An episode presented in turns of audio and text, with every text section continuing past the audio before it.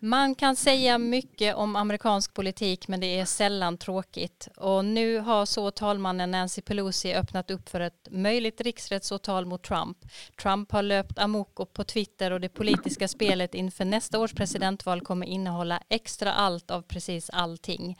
Vi har inga säkra svar på något men flera decenniers samlad erfarenhet och perspektiv på vad som händer. Karin Henriksson, Dag Blank, Erik Åsad och jag Frida Stranne försöker reda ut det snåriga snåriga om sånt du vill veta mer om och idag fördjupar vi oss givetvis om det senaste kring en möjlig riksrätt. Vi talar om förbisedda nyheter och händelser i bakgrunden av det mediala ljuset på detta. Och lite annat smått och gott. Välkomna att lyssna på ännu ett avsnitt av Amerikaanalyspodden. I have a dream that one day this nation will rise up and live out the true meaning of its creed. This is a place where you can make it if you try. This is a country where anything is possible, no matter who you are. We do big things. Together, we represent the most extraordinary nation in all of history. What will we do with this moment? How will we be remembered? Ja, hej och välkomna till ännu ett avsnitt av Amerikanalyspodden. Eh, ni övriga sitter i vanlig ordning på olika platser idag runt om i Sverige och eh, är med på telefon. Karin, du är kvar i Sverige ett litet tag nu och kopplar kanske äntligen av efter en intensiv arbetsperiod. Eh, vad betyder ja, det att vara i Sverige för dig då och då eftersom du har bott så länge i USA?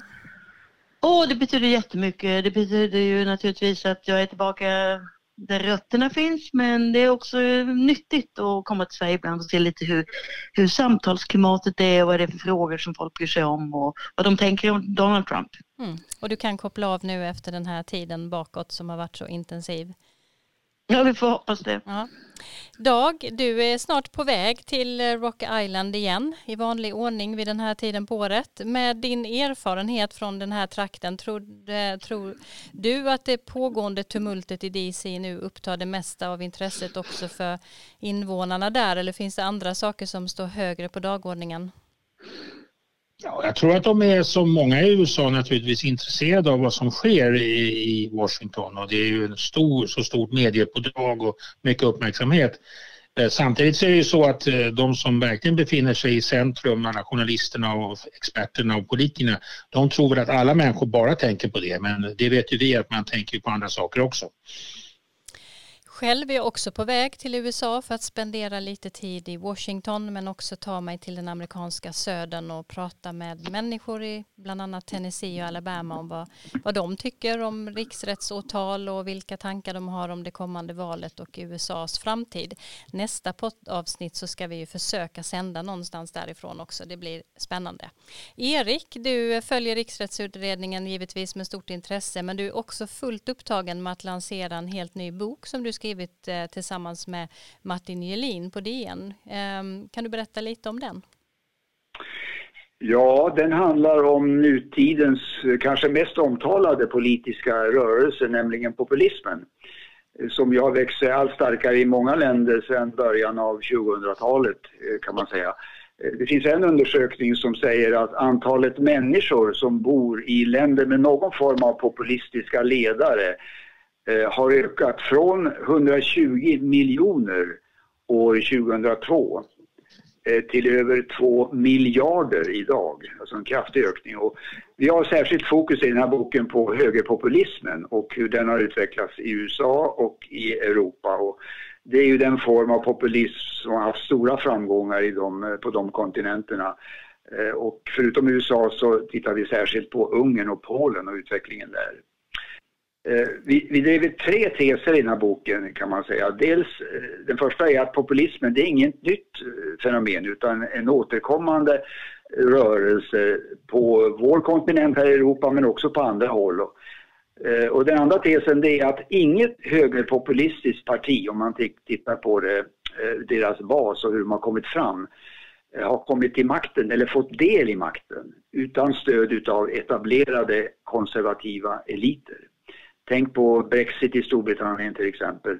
Hur den, hur den omröstningen tillkom och vilka som stödde den. Eller naturligtvis på Donald Trump som till slut när han väl hade vunnit kandidaturen då fick stöd av den republikanska partieliten. Det tog sin tid men till slut samlades de kring honom. Och jag tror ju att om Trump hade ställt upp som oberoende eller som tredjepartikandidat 2016 då hade han aldrig blivit president. Eh, och sen en tredje tes det är att högerpopulismen som vi nu ser, ser den är ett hot menar vi mot demokratin genom att dels, har dels en inskränkt demokratisyn och dels så står den också för en principiell antipluralism som är farlig i vår tid. Och så kan man jättekort summera innehållet i boken. Eh, eh, ännu en intressant bok alltså från eh, en här i podden och jag antar att du kommer få en intensiv period framåt nu att prata om denna. Jag hoppas också att du lägger ut några rader om boken på vår blogg eh, amerikaanalys.se som Eh, Eh, vi ju har haft tillsammans eh, sedan några år tillbaka. Eh, och eh, någon länk också kanske på var man kan hitta den här boken. Och vi kommer ju i kommande avsnitt att komma tillbaka till det här ämnet eh, och prata om det lite mer på djupet. Ja, eh, innan vi ger oss i kast med att prata om det pågående riksrättsförfarandet så eh, tänkte vi eh, kort lyfta lite om olika förbesedda nyheter som vi ser som inte får så mycket utrymme, kanske framförallt inte nu då i det här exceptionella läget som man ju ändå får kalla det. Karin, har du någonting som du tänker på har försvunnit i mediebruset? Ja, kanske inte så mycket i USA som i världen i stort kanske, men, men det finns rön som visar att uh, cigarettrökningen eller tobaksrökningen bland ungdomar i USA har gått ner kraftigt. Och det är naturligtvis en god nyhet. Men frågan är då om de istället röker marijuana eller om de rör, håller på med det här som kallas för vaping. Så det kanske är blandat. Men det är, en viktig samhällelig, det är en viktig trend. Om, nu, om det nu är så att ungdomar har förstått att rökning är farligt så är det naturligtvis bra. Mm. Vi hörde väl någonting på nyheterna idag om e-cigaretter som hade krävt en hel del dödsfall, eh, inte minst i USA väl, stämmer inte det? Jo, det, och det har man ju också skruvat åt eh, Eh, och det, det, är en sak där, Trump har varit faktiskt aktiv själv. Att uh, försöka se till i alla fall få bort sådana här som är liksom glada färger på så som kanske lockar unga människor. Mm. Eh, Erik, finns det någonting du har tänkt på? Ja, jag har tänkt på en artikel jag såg häromdagen som jag tycker förtjänar uppmärksamhet och det är att Elizabeth Warren som ju tonar fram här nu som en seriös konkurrent till Joe Biden framförallt Eh, Eh, har gjort stora framsteg bland de svarta demokratiska väljarna. Enligt en opinionsundersökning häromdagen så har hennes stöd bland dem fördubblats från 10% i augusti till 19% nu. Och fortfarande så har Joe Biden eh, starka stöd bland de svarta, ganska klart, 40 eh, ungefär i South Carolina till exempel mot bara 9% där för Warren. Men jag tror ju att min tes är ju att eh, den demokrat som ska ha vinna det här racet måste ha en stor del av de svarta väljarna bakom sig och det, det är ju en markant förbättring då för Warren som blir intressant att följa framöver här. Eh, Dag, jag vet att du har tänkt på en förbisedd nyhet sedan ganska lång tid tillbaka. Den har fortfarande inte kommit upp eh, på, högt på dagordningen, stämmer det? Ja, jag har tänkt på eh, en miljöpolitisk nyhet Eh, det har varit talats lite om det men det är det att eh, Trump har ju avreglerat så mycket av eh, Obamas miljöregler och frånträdde Parisavtalet och så vidare när det gäller klimatfrågan. Och då ser vi istället att hur delstaterna har tagit på sig ledartröjan och även i enskilda städer. Och det pågår just nu en strid mellan Kalifornien och den federala regeringen. Där Kalifornien har ju länge haft mycket framstående avancerade miljöregler, och utsläppsregler och så vidare, gått i bräschen för det. Och nu kommer den federala regeringen in och försöker bromsa detta. Det uppstår en strid här, en sån klassisk strid mellan den federala regeringen och delstaterna som vi har sett många gånger av. Och nu är det den federala regeringen som försöker eh, hindra eh, de här mer avancerade och mer långtgående miljöreglerna i Kalifornien. Det tycker jag är en intressant fråga. Jag tror som vi talade om förra gången att miljöfrågan den är en viktig fråga, klimatfrågan är en viktig fråga och då är en generationsfråga. Jag har gått och funderat på det på sista tiden också. Det finns det kanske numera väldigt många frågor som är generationsskiljande i USA och som kan spela stor roll. Det är kanske någonting vi kan återkomma till framöver också, vilka frågor det kan vara. Men jag tror att miljöfrågan är en sån och där ser man just Kalifornien mot den federala regeringen.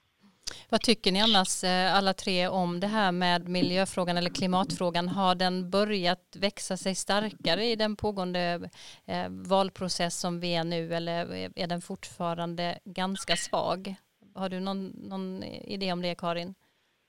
Ja, det, det beror lite på var man står så att säga. Jag tror nog att, eh, att den har ju kommit i skymundan som allting annat just nu.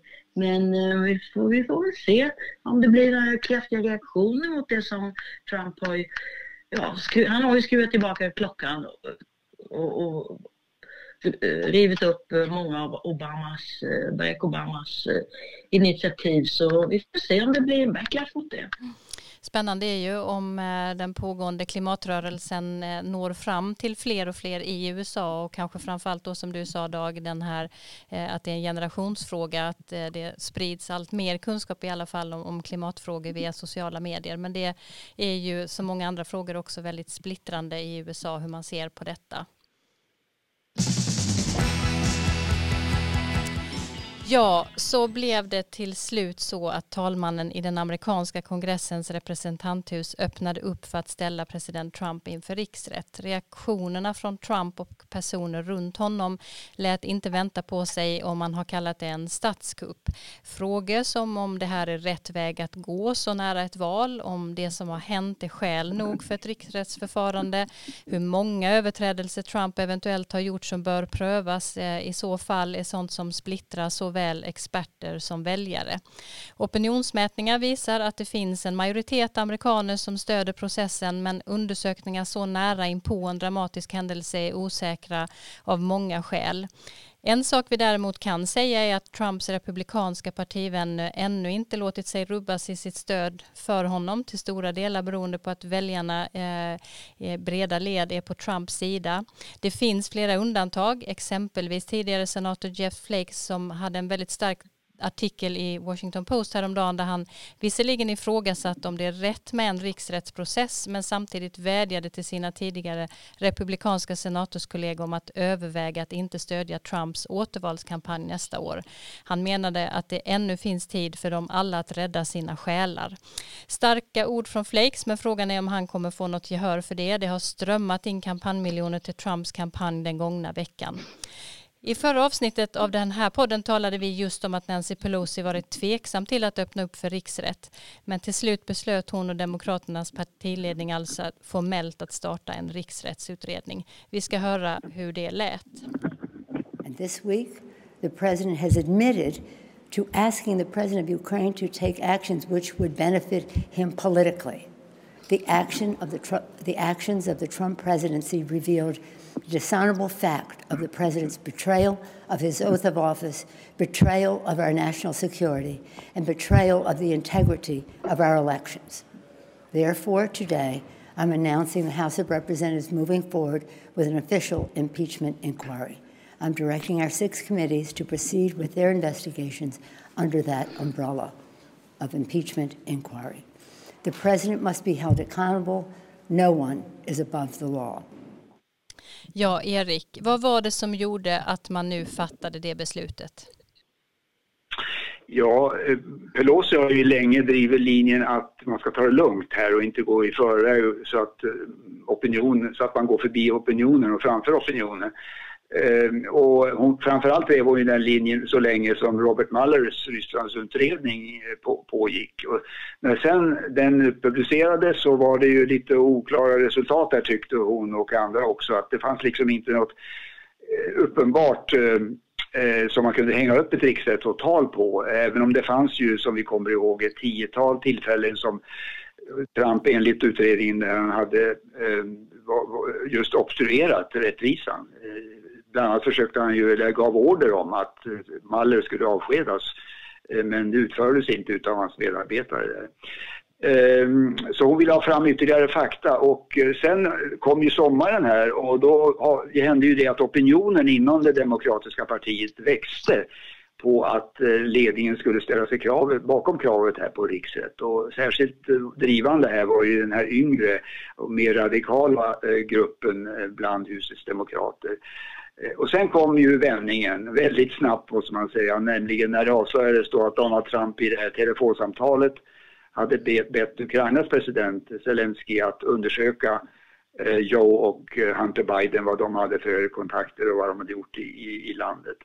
Eh, samtidigt framkom det också då att Trump hade frusit utbetalningen av ett stöd, ett militärt stöd motsvarande ungefär 4 miljarder svenska kronor som landet skulle ha i, i, hjälp då gentemot den här ryska fortsatta aggressionen mot landet. Och eh, vad det här innebär är det att eh, Dels så gick han emot kongressen då och, och, och vilket, av vilket skäl gjorde han det, det spekulerar man ju om nu.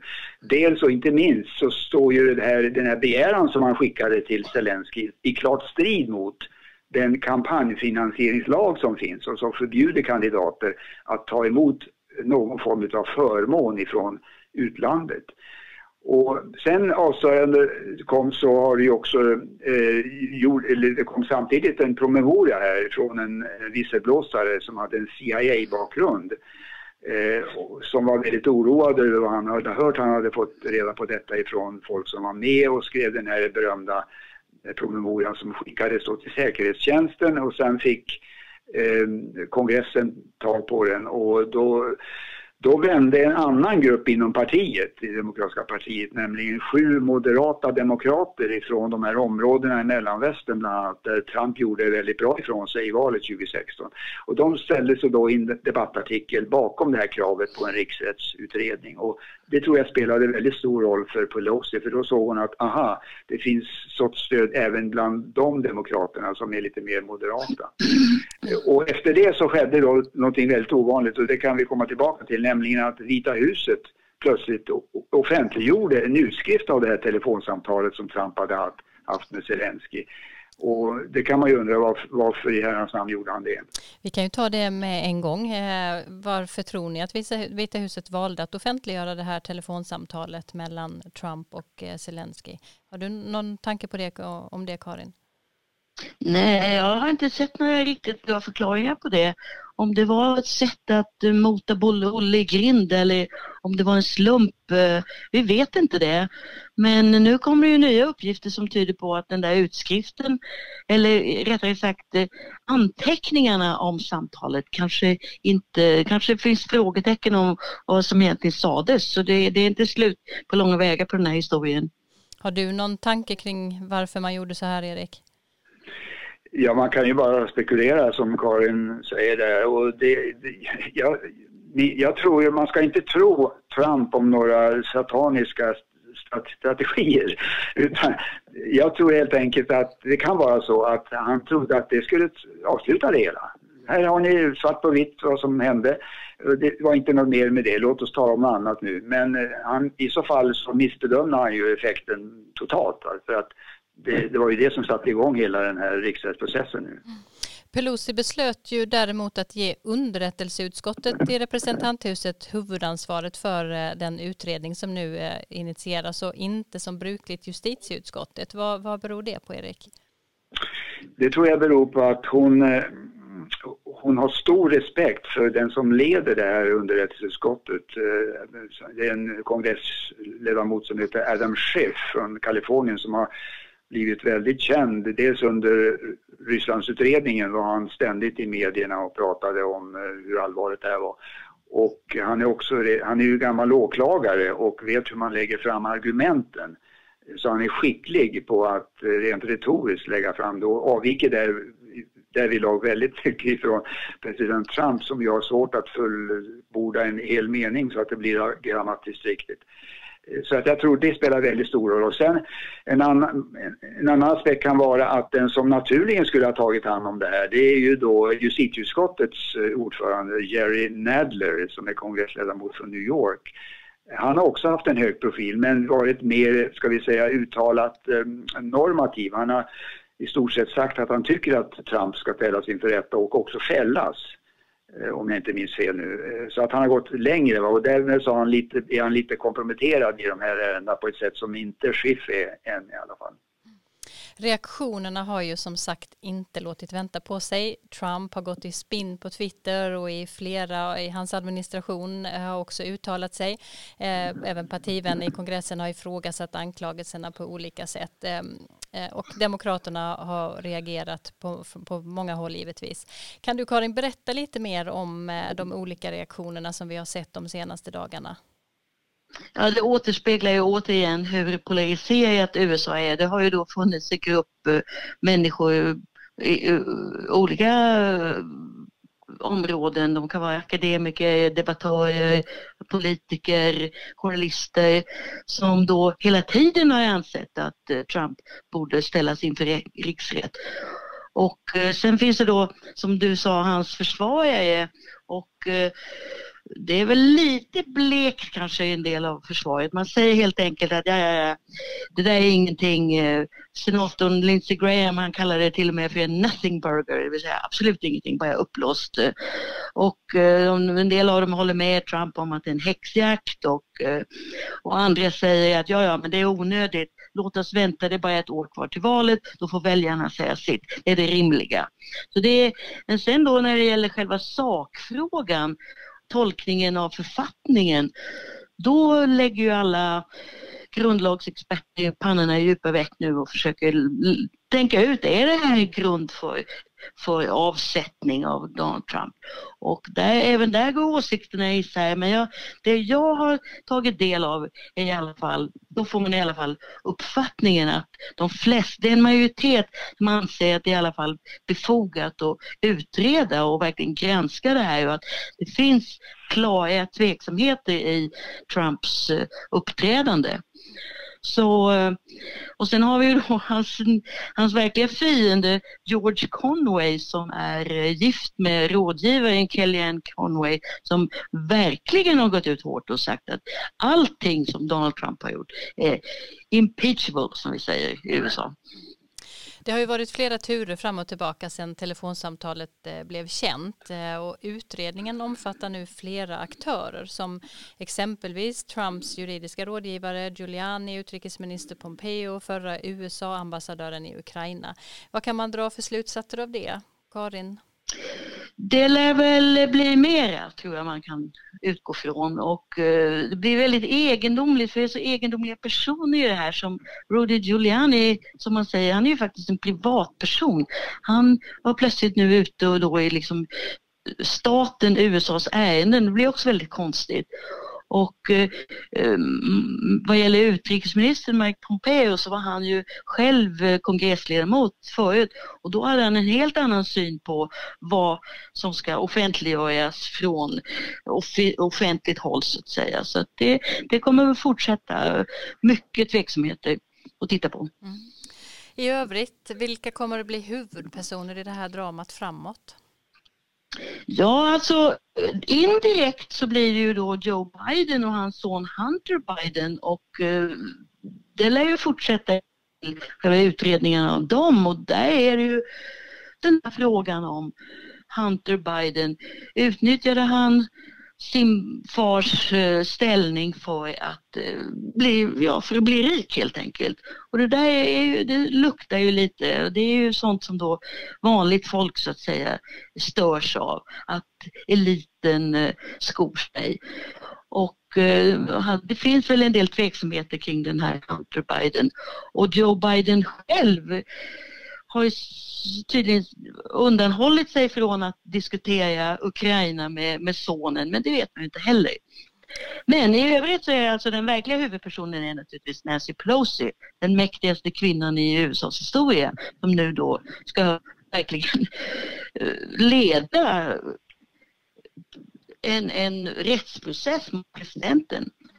Det är Adam Schiff då som eh, Erik nämnde och eh, han, han är ganska välbekant eh, som sagt han är, har ju varit i tv nu ett par år. Men han är verkligen Trump verkligen, det, det, är ett hatobjekt för Trump. Han har hittat på alla möjliga öknamn. Sen har vi då Mitch McConnell som är republikansk majoritetsledare i senaten och han har då klart sagt att om representanthuset röstar för åtal, så kallade articles of impeachment, då måste han omedelbart, eller han, måste, han, han, han har inget val. Han, senatens regler säger att han då måste sätta igång den här rättegången. Så han kan inte förhala det, utan han, han, han sa helt, helt kort, sa han, ja det måste jag göra.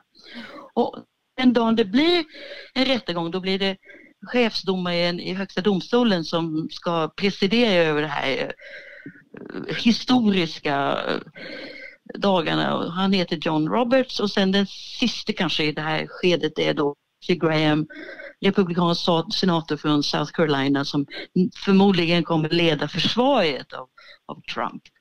Både inåt och utåt. Erik, eh, är det någon annan huvudperson som du ser framför dig som eh, vi inte ska glömma bort? Ja, Donald Trump, har ni nämnt honom? Nej, det är helt rätt. Jag tror, jag tror han kom bort. Eh, ja, det kommer ju bli, han kommer ju stå på barrikaderna kan man räkna var, varenda dag och säga som han gjorde igår eh, när han tog emot den här finska presidenten, det vill säga spy alla över motståndarna. Och eh, han går ju längre och längre märker jag. Jag tycker mig märka det. Ni som läser hans dagliga Twittermeddelanden, jag försöker avvika eh, från det för att ha en lugn dag. Men, Han har, ja, förlåt. men, men eh, jag tycker, känslan är när jag läser referat av vad han säger och han twittrar om att han går längre och längre i sina uttalanden. Och eh, jag tror att det beror på, om det stämmer, så tror jag att det beror på att det har ju gått bra hittills. Va? Det gick bra under valrörelsen, han vann valet, det gick bra under Mallerutredningen och varför inte pröva samma, samma taktik igen? Ja, men, han, men då är frågan då, det, nu är han ju bara sin egen talesman och han har då, som, som du säger Erik, han har verkligen trappat upp. Nu tar jag till då Sverigeord och skrev då bullshit med, han med Charlie. Det, ja. Ja. ja. det gjorde han och det är naturligtvis många som tar illa vid sig av det. Ja. Och, eh, och det, det är många också som tycker att han kanske det är inte, det är inte bra att han, att han är sin egen liksom, enmansförsvarsstyrka. Som när, när Bill Clinton ställdes inför riksrätt, då hade han ju bestämt sig för att jag ska sköta det dagliga jobbet och riksrättsförfarandet låter vi en grupp utomstående, eller ja, utomstående, det var de kanske inte, men alltså en grupp experter och jurister sköta om det. Så att man skilde på de här två sakerna. Men, men Trump har ju inget, inget eh, så att säga, program för regerandet utan han är ju bara där för liksom dag, det dagliga spåret så att säga, som han vill driva. Så att det, det, det, det är en skillnad gentemot Clinton.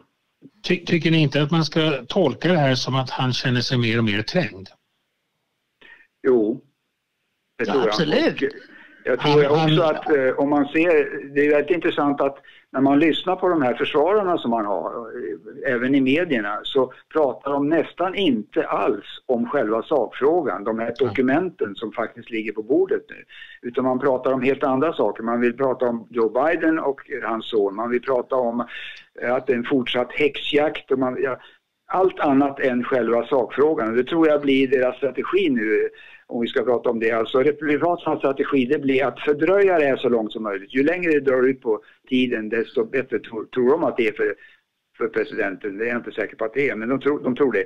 Och det andra är att svartmåla så mycket som möjligt motståndarna och särskilt Joe Biden. Medan Demokraterna då, de, de går in för att snabbutreda så snabbt som möjligt, så fokuserat som möjligt och naturligtvis att hoppas på att få fram så graverande uppgifter som möjligt på det sättet. Det återstår ju att se, men så tror jag de kommer lägga upp det på ömse håll. Och som du sa Erik, hans strategi hittills har ju fungerat väldigt bra. Ja, han, har ju, han vann ju, han har ju varit framgång hela tiden. Och någon gång, kanske, kanske är vi där nu, någon gång kommer den inte fungera. Någon gång stöter han på problem och riktigt motstånd. Och då är frågan hur han reagerar. Då reagerar han kanske på det här ja. sättet. Och, och hur anhängarna reagerar och hur han. Men man, när man såg den här presskonferensen med president Niso igår, det verkade ju nästan som han var lite desorienterad när han talade om man ska uttrycka sig milt. Alltså, han, det, han går hoppar från ämne till ämne och blir allt eh, grövre och talar om förräderi och sådär. Det, det, det ger ett lätt och inte så lätt förvirrat intryck helt enkelt. Nej, sen var det någon som vi vet ju att han tycker det här. Hur ofta ska han kunna upprepa detta? När det kanske inte blir effektivt på sikt. Ja. Mm. Jätteintressant. Jag följer honom eh, mer på Instagram än vad jag gör på Twitter och där tycker jag också man kan se det här en allt mer pressad men samtidigt att han upprepar sitt sätt att kommunicera med sina väljare eh, på olika sätt eh, och eh, att han fortfarande tror att eh, hans strategi där kommer att, eh, att vinna gehör bland hans väljare. Jag, jag, tänkte på, vi har ju, ni har nämnt nu eh, riksrättsprocessen eh, mot eh, Clinton 1998 och om vi jämför eh, Dag, eh, på vilket sätt skiljer sig eh, det som vi ser nu 2019 från det som, som var då? Ja, som Karin poängterade tror jag är väldigt viktigt att, att Clinton han valde ju så att säga att dela upp sitt liv. Han skulle fungera som president och eh, fortsätta regera. Han skulle ta tag i de viktiga frågorna som konfronterade det amerikanska folket. Det var en linje och sen skulle riksrättsprocessen, den skulle så säga, hans juridiska försvarare sköta om så att han skulle liksom inte blanda ihop president, det dagliga presidentämbetet med, med riksrättsprocessen. Det har vi ju, som vi just sa, redan sett att det går inte, för Trump kommer inte det gå att göra. Om, om det blir en riksrättsförhandling i senaten så, eh, som du sa Erik, han kommer ju egentligen vara huvudperson. Han kommer väl sitta och twittra hela tiden och kommentera vad som sägs nästan in, in, in, i realtid där, som man, får någon, som man brukar göra när han kommenterar annat som man ser på tv. Så kommer man kunna få en sorts kommentar, han blir en extra kommentator helt enkelt, förmodligen. Så det tror jag kommer vara en, en, en annan sak. Sen kan man ju säga så här riksrättsprocessen mot Clinton, där var det två articles of impeachment som antogs, två uh, anklagelseakter. Den ena handlade om att han hade ljugit under ed och den andra handlade om obstruction of justice, förhindrat av rättvisans gång. Och det är ju allvarliga, allvarliga anklagelser naturligtvis.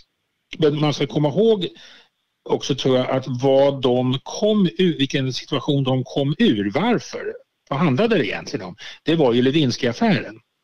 Det var ju det faktum att han försökte dölja och ljuga om att han hade haft eh, en affär, en utomäktenskaplig affär med den här praktikanten Monica Lewinsky.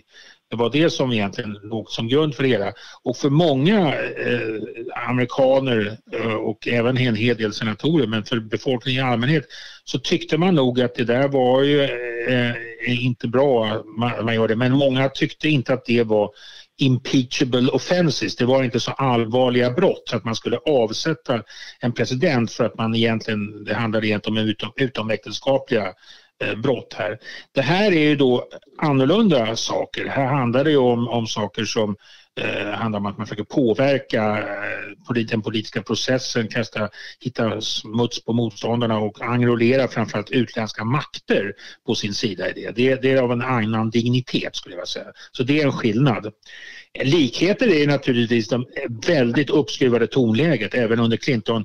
Det faktum att den här riksrättsprocessen mot Clinton kom till var ju ett, också ett tecken på hur stark polariseringen var även då. Hur, hur kontroversiell Clinton var, hur illa sedd och hatad han var bland vissa grupper. Och det, det, det kanske inte lika starkt som idag men det var väldigt starka känslor då också. Mm om vi bara ska reda ut eh, lite eh, själva grundfrågan också kring vad är det som kan vara grund för eh, impeachment? Dag, kan du ge oss en liten bild av det?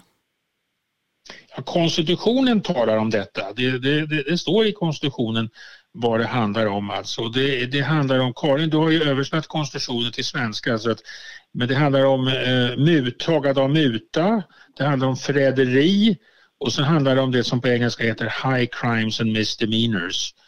Svåra och mindre svåra brott skrev du Karin, tror jag, i din översättning. Var det så? Ja, jag skrev väl allvarliga brott och smärre förseelser. Allvarliga brott och smärre förseelser. Och mycket, mycket av diskussionerna under, under de gånger man har antagit sådana anklagelseakter har handlat om vad dessa high crimes and misdemeanors är.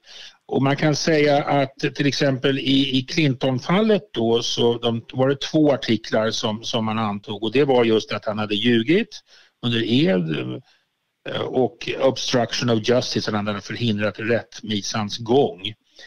När det gällde Richard Nixon, så, eh, som ju aldrig fullföljdes, men justitieutskottet hade ju börjat sitt arbete. Representanthuset antog aldrig dessa, men de hade antagits i utskottet. Där antogs det tre artiklar. Dels var det då obstruction of justice, att han hade försökt lägga sig i utredningarna och förhindra utredningarna om Watergate-affären. Sen var det också en annan artikel som kallades för abuse of power, att han hade missbrukat sin makt, presidentämbetets makt och försökt begränsa, använda det på ett felaktigt sätt. Och den tredje anklagelseakten mot Clinton var contempt of Congress, att han hade alltså för, inte följt... Mot Nixon, mot Nixon, ja. Han hade inte följt kongressens uh, order att han skulle framförallt lämna ut material till, uh, uh, till utredningen om Watergate-affären. Så det, där har man den typen av, av, av, saker. Obstruction of justice återkommer ofta. Abuse of power kan man nog tänka sig kanske att man återkommer till i det här fallet mot, mot Trump. Content of Congress får man väl se och hur mycket han motsätter sig den här utredningen. I den allra första, om jag kan bara lägga till, den allra första riksrättsprocessen, den mot president Johnson eh, 1868 där, eh, där var det 11 anklagelseakter. Och där var det en lång rad ganska detaljerade eh, Eh, anklagelseakter om det handlade om att han hade avskedat sin krigsminister på ett felaktigt sätt i, i, strid mot en lag som kongressen hade antagit. Och där talar man mycket om det. Där talar man också lite grann om obstruction of justice. Och där har man också eh, en, en anklagelseakter som handlade om att han hade dragit vanära över presidentämbetet. Och, och, och det, det, det skulle då vara grund för, för riksrätt eller för avsättning. Han blev, han blev ju inte heller dömd, han blev ju frikänd med mycket liten marginal. Men det är den typen av, av frågor och lyssnar man på vad Alexander Hamilton skriver i, i Federalist 65 när de diskuterar, där man skulle diskutera antal kongressen, när de diskuterar vad är det här för någonting? Då undertrycker han väldigt mycket att det här är egentligen politiska brott som det handlar om. Det är inte juridiska brott och det är politiska brott som undergräver eller förstör det allmänna förtroendet för det politiska systemet. Violation of public trust skriver han på engelska. Det menar han ska vara det grundläggande eh, de grundläggande felen här, det som man har, de handlingar som man har begått, det, är det som ska förstöra det politiska systemet helt enkelt. Det, det såg Hamilton som, som, som en utgångspunkt och det är inte någon sorts Eh, man ska inte använda lagboken på, på det eh, för att mäta vad det är för brott helt enkelt. Det florerar ju en del olika uppfattningar, i alla fall som jag har fångat in eh, i allt som nu skrivs och, och sägs eh, om hur många överträdelser och vad som Demokraterna ska välja att åberopa mot Trump. Det påstås, eh, har det gjort i alla fall, att Pelosi vill eh, gå fram med ett par stycken kortfattat och tydligt formulerade för att eh, det ska kunna kommuniceras eh, väl ut och att man ska förstå eh, åtalsgrunderna medan andra vill anföra en lång rad saker som Trump utreds för och som är komplicerat på olika sätt. Vad tänker ni om detta Erik? Hur tror du att det kommer att bli?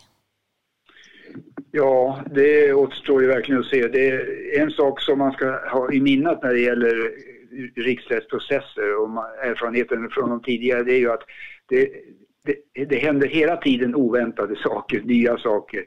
Den här saken som, eh, eller nyheten igår var ju det att eh, utrikesdepartementet, det var väl Mike Pompeo själv som hade varit i kontakt, och även Trump väl, som hade varit i kontakt med australiensiske premiärministern här och bett honom om hjälp att utreda eh, grunderna, ursprunget till Mallerutredningen. De håller fortfarande på med den i Vita huset. Eh, alltså sidohistorier som egentligen inte har något med sakfrågan att göra. Och det, så tror jag vi kommer att fortsätta. Men, men, för att svara på din fråga så tror jag att Demokraterna kommer absolut, och Pelosi tror jag är inriktad på detta, att, att fokusera enbart på den här Ukraina-frågan. Det här samtalet eh, och, eh, som skedde mellan Trump och Zelensky och um, borra i det och försöka få fram mer dokument, att försöka få fram vittnesuppgifter i, via kongressen och så. Så att ju färre ju färre åtalspunkter eller ju färre diskussionspunkter och anklagelsepunkter som kommer fram desto bättre tror jag att de, de tycker att det är. Medan eh, säkert finns det en opinion inom partiet som vill ta fram andra saker också när man nu äntligen har tagit in på den här riksrättsvägen. Sånt som har att göra kanske med Mallers utredning eller andra saker som Trump har varit inblandad i. Men det återstår som sagt att se vad det blir av det. Ja, allt det här händer ju precis när vi närmar oss ett valår och hur det här kommer att eh, ehm, hanteras av de respektive partierna och hur det kommer att påverka valåret framåt. Det kommer vi tillbaka till i ett kommande avsnitt.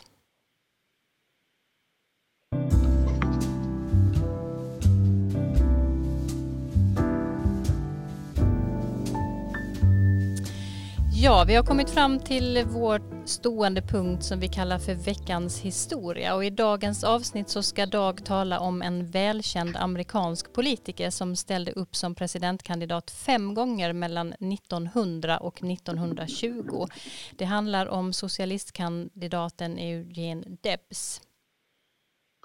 Ja, Eugene Debs från Terre Haute, Indiana, född 1855 döpt, han heter Eugene eh, Debs, Victor Eugene Debs i fullt namn, förnamn och han döptes efter två radikala franska författare, Victor Hugo och Eugène Sue. Så han kom till eh, livet i en radikal tradition. Han blev anställd vid järnvägen och gick snabbt in i järnvägsfackföreningen och blev en fackföreningsorganisatör och var inblandad i den stora strejken 1893, den så kallade Pullmanstrejken utanför Chicago som till slut knäcktes med statens hjälp när president Cleveland sände in federala trupper för att avbryta strejken. Han menade att det var ett, utgjorde ett hot mot viktiga samhällsfunktioner. Järnvägarna måste gå. Han blev sen ledare i amerikanska Socialist Party och som Frida sa ställde han upp fem gånger i presidentval. Det är inte jättemånga personer som har ställt upp fem gånger men han är en av dem. Han fick över en miljon röster faktiskt i presidentvalet 1912. Och han drev alltså eh, en, en agenda som var en socialistisk agenda, en socialdemokratisk agenda som man säger påminde om socialistiska socialdemokratiska partier i Europa vid den här tiden och var en del av den framväxande amerikanska arbetarrörelsen som ju aldrig blev lika stark som den europeiska arbetarrörelsen och klingar av sen eh, eh i början på 1900-talet men som spelade en viktig, en betydande roll runt sekelskiftet eh, 1900. Eh, första världskriget blev en vattendelare. Han var motståndare till amerikanskt deltagande i första världskriget och dömdes till fängelse för detta. Och han ställde upp faktiskt i, den sista gången han ställde upp i presidentvalet så var det från fängelset. Det är nog den enda amerikanska presidentkandidat som har genomfört sin kandidatur från ett fängelse. Och när han dömdes för, till fängelse för uppvigling och motståndet från, från, från kriget så höll han ett berömt tal. Han var en god talare. Och eh, ja, vi kanske ska lyssna som en liten avslutning på några ord, några meningar från detta berömda tal. Och det är en annan socialistisk presidentkandidat som läser detta, dessa meningar. Jag ska se om ni kan höra vem det är. Your Honor, years ago I recognized my kinship with all living things. And I made up my mind that I was not one bit better than the meanest on earth. I said then and I say now that while there is a lower class, I am in it. While there is a criminal element, I am of it. And while there is a soul in prison, I am not free. Ja, vad hörde vi där Dag? Det var de här orden som han sa inför domstolen när, när, han, blev, när han blev dömd till fängelse. Eh, och när han gick i fängelse. Men hörde ni vem det var som läste? Jag tyckte det lät som Bernie Sanders. Bernie Sanders säger jag också. Ja, Karin. Ja, det var Bernie Sanders. Han, han, precis, så han, är, han har ju sen blivit en idol. Hans minne har levt kvar. Eugene Debs minne har levt kvar under 1900-talet. Eh, och nu idag, inte minst bland de nya radikala yngre krafterna, så, så återkommer Debs och Bernie har länge eh, återvänt till Debs och hyllat honom som en föregångsman. En fråga där Dag, det finns ju många andra socialist, bemärkta i amerikansk historia. Jag tänker på Norman Thomas under 30, 30 och 40-talen. Mm. Det är ingen som pratar lika mycket om honom då. Ja, Thomas var ju en, en evig kandidat också på ett sätt kan man ja. säga. Men han nådde mindre framgångar rent eh, valmässigt. Man kan ju säga att Debs, många av de förslag, eller en del av de förslag som han hade eh, togs upp, sögs upp av andra partier, av den progressiva rörelsen. Det fanns ju en en radikal rörelse som Karin har skrivit om sin, mycket bra med sin radikalbok mm. om det radikala USA. Och så på något sätt så en del av de här förslagen om att man skulle ha försäk allmänna försäkringar, arbetslöshetsförsäkringar och sådana saker som drevs av socialistpartiet kom att genomföras och det gjorde att eh, några av grunden lite grann rycktes undan för partiet. Och New Deal kan man ju säga också. New Deal togs väl också upp, jag menar en hel del av de där förslagen. Absolut, absolut. Va? absolut. Så det, jo, den här... Eh. Norman Thomas var ju väldigt bitter för han tyckte ju då att Franklin Roosevelt stal hans idéer. ja. Precis. Mm. Och, det, och, och därför undergräv, undergrävs ju liksom de här rörelsernas styrka. Vi har alltså sett eh, socialdemokratiska eller socialistiska kandidater genom den amerikanska historien och igår fick vi ju veta att Bernie Sanders tvingats till sjukhusvistelse och att han också tvingas att avbryta sin kampanj tills vidare. Eh, det kanske blåser över men eh, det kan också bli så ju till följd av det här att åldersfrågan hamnar på agendan igen vilket ju inte vore bra för, för Sanders men eh, kanske inte heller för någon av de övriga till åren komna kandidaterna i det här racet. Eh, det återstår att se. Nu eh, är det dags att gå över till vårt inslag om det här har Trump sagt. Efter att ha svartmålat eh, visselblåsaren som larmade om telefonsamtalet mellan Donald Trump och ukrainska presidenten svarade han följande på en eh, fråga. Can you now know who the whistleblower is, sir? Well, we're trying to find out about a whistleblower. When you have a whistleblower that reports things that were incorrect. As you know, and you probably now have figured it out, uh, the statement I made to the president of Ukraine, a good man, a nice man, knew, uh, was perfect. It was perfect. But the whistleblower. Ja, Karin, vad är det vi hörde här?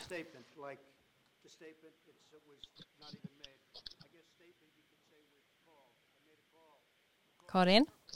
Ja, eh, det försvann ljudet lite där. Jo, alltså det, det var ett väldigt egendomligt uttalande därför att det är förbjudet att efterforska visselblåsares identitet. Eh, det är hela idén med en sån lag att eh, en enskild person ska kunna anmäla eller larma om, om oegentligheter och sen kunna göra det i hemlighet. Men, men så, och i det här fallet har nu visselblåsarens advokat bestämt sagt att, att Trump har försatt honom i fara. Och det, det, med, med den eh, väldigt spända situation politiskt som råder så, så låter ju inte det alls otänkbart. Och eh, Trump har ju varit hotfull eller allt hotfulla är under den här processen. Och det har varit tal om inbördeskrig och, och landsförräderi och att den här Adam Schiff borde kastas i fängelse. Så det, det, det är väldigt det är oroande alltsammans. Det är en del av den här upptrappningen i retoriken. Vad, vad tänker ni andra om det här, Erik? Ja, jag tycker det är ganska förutsägbart, eh, hans reaktioner där. Det, det, är ju det här attacktemat hela tiden. Men som sagt, det har ju fungerat tidigare så han fortsätter med det spåret. Jag tror inte han har någon alternativ strategi heller. Nej. Ja, innan vi avslutar det här avsnittet eh, så vill jag i vanlig ordning eh, höra lite om vad ni ser fram emot att följa tills vi hörs igen den 17 oktober som blir nästa tillfälle för den här podden. Dag, eh, vad, vad tänker du på? Ja, då kommer jag vara på plats där i mellanvästern i Illinois så jag ska följa då ganska nära vad som händer där och kan rapportera om det. Mm. Karin, du ska tillbaka till Washington. Ja, jag säger, då, ja, jag säger i vanlig ordning eh, tullar och frihandel och Kina och eh, överhuvudtaget vad som kan hända nu. Det blev ju ett, ett, eh, utslag mot eh, Airbus och EU i frihandelsorganisationen WTO och eh, nu kan då Trump fort slå till med ännu fler strafftullar och då kan det bli whisky och eh, franska ostar som kommer bli 25 procent dyrare. Och det är väl också lite konstigt att just de ska straffas för det här. Mm. Erik? Ja, franska ostar hade jag faktiskt inte tänkt på, men jag, jag ser mer fram emot eh, den 15 oktober tror jag det är äntligen en ny debatt va, mellan de demokratiska kandidaterna. Och sen allra närmast så ser jag fram emot att följa hur går det för Bernie Sanders egentligen? Kommer han på benen och kan han återuppta sin kampanj? Frågetecken. Mm i vanlig ordning. Det är alltid enklast att vara eh, sist ut i sådana här saker. Jag håller med er alla om de här intressanta sakerna som finns att följa, men kanske också vill jag lägga till eh, det som ska hända här i Sverige i helgen, om jag har förstått saken rätt, när förhandlingar mellan eh, Nordkorea och USA ska ske här, som också kommer bli intressant att se vad som kan komma ut av det. Tack än en gång för ett givande samtal om svåra frågor. Dag, Karin och Erik. Tack alla som lyssnat. Vi hoppas att ni hänger med oss igen om två veckor och att ni hjälper oss att sprida information till vänner och bekanta om att vår podd finns. Tack Johan Lindström som är ljudtekniker. Nästa gång vi hörs så sitter jag troligen i Alabama, USA och testar om jag klarar av tekniken på egen hand.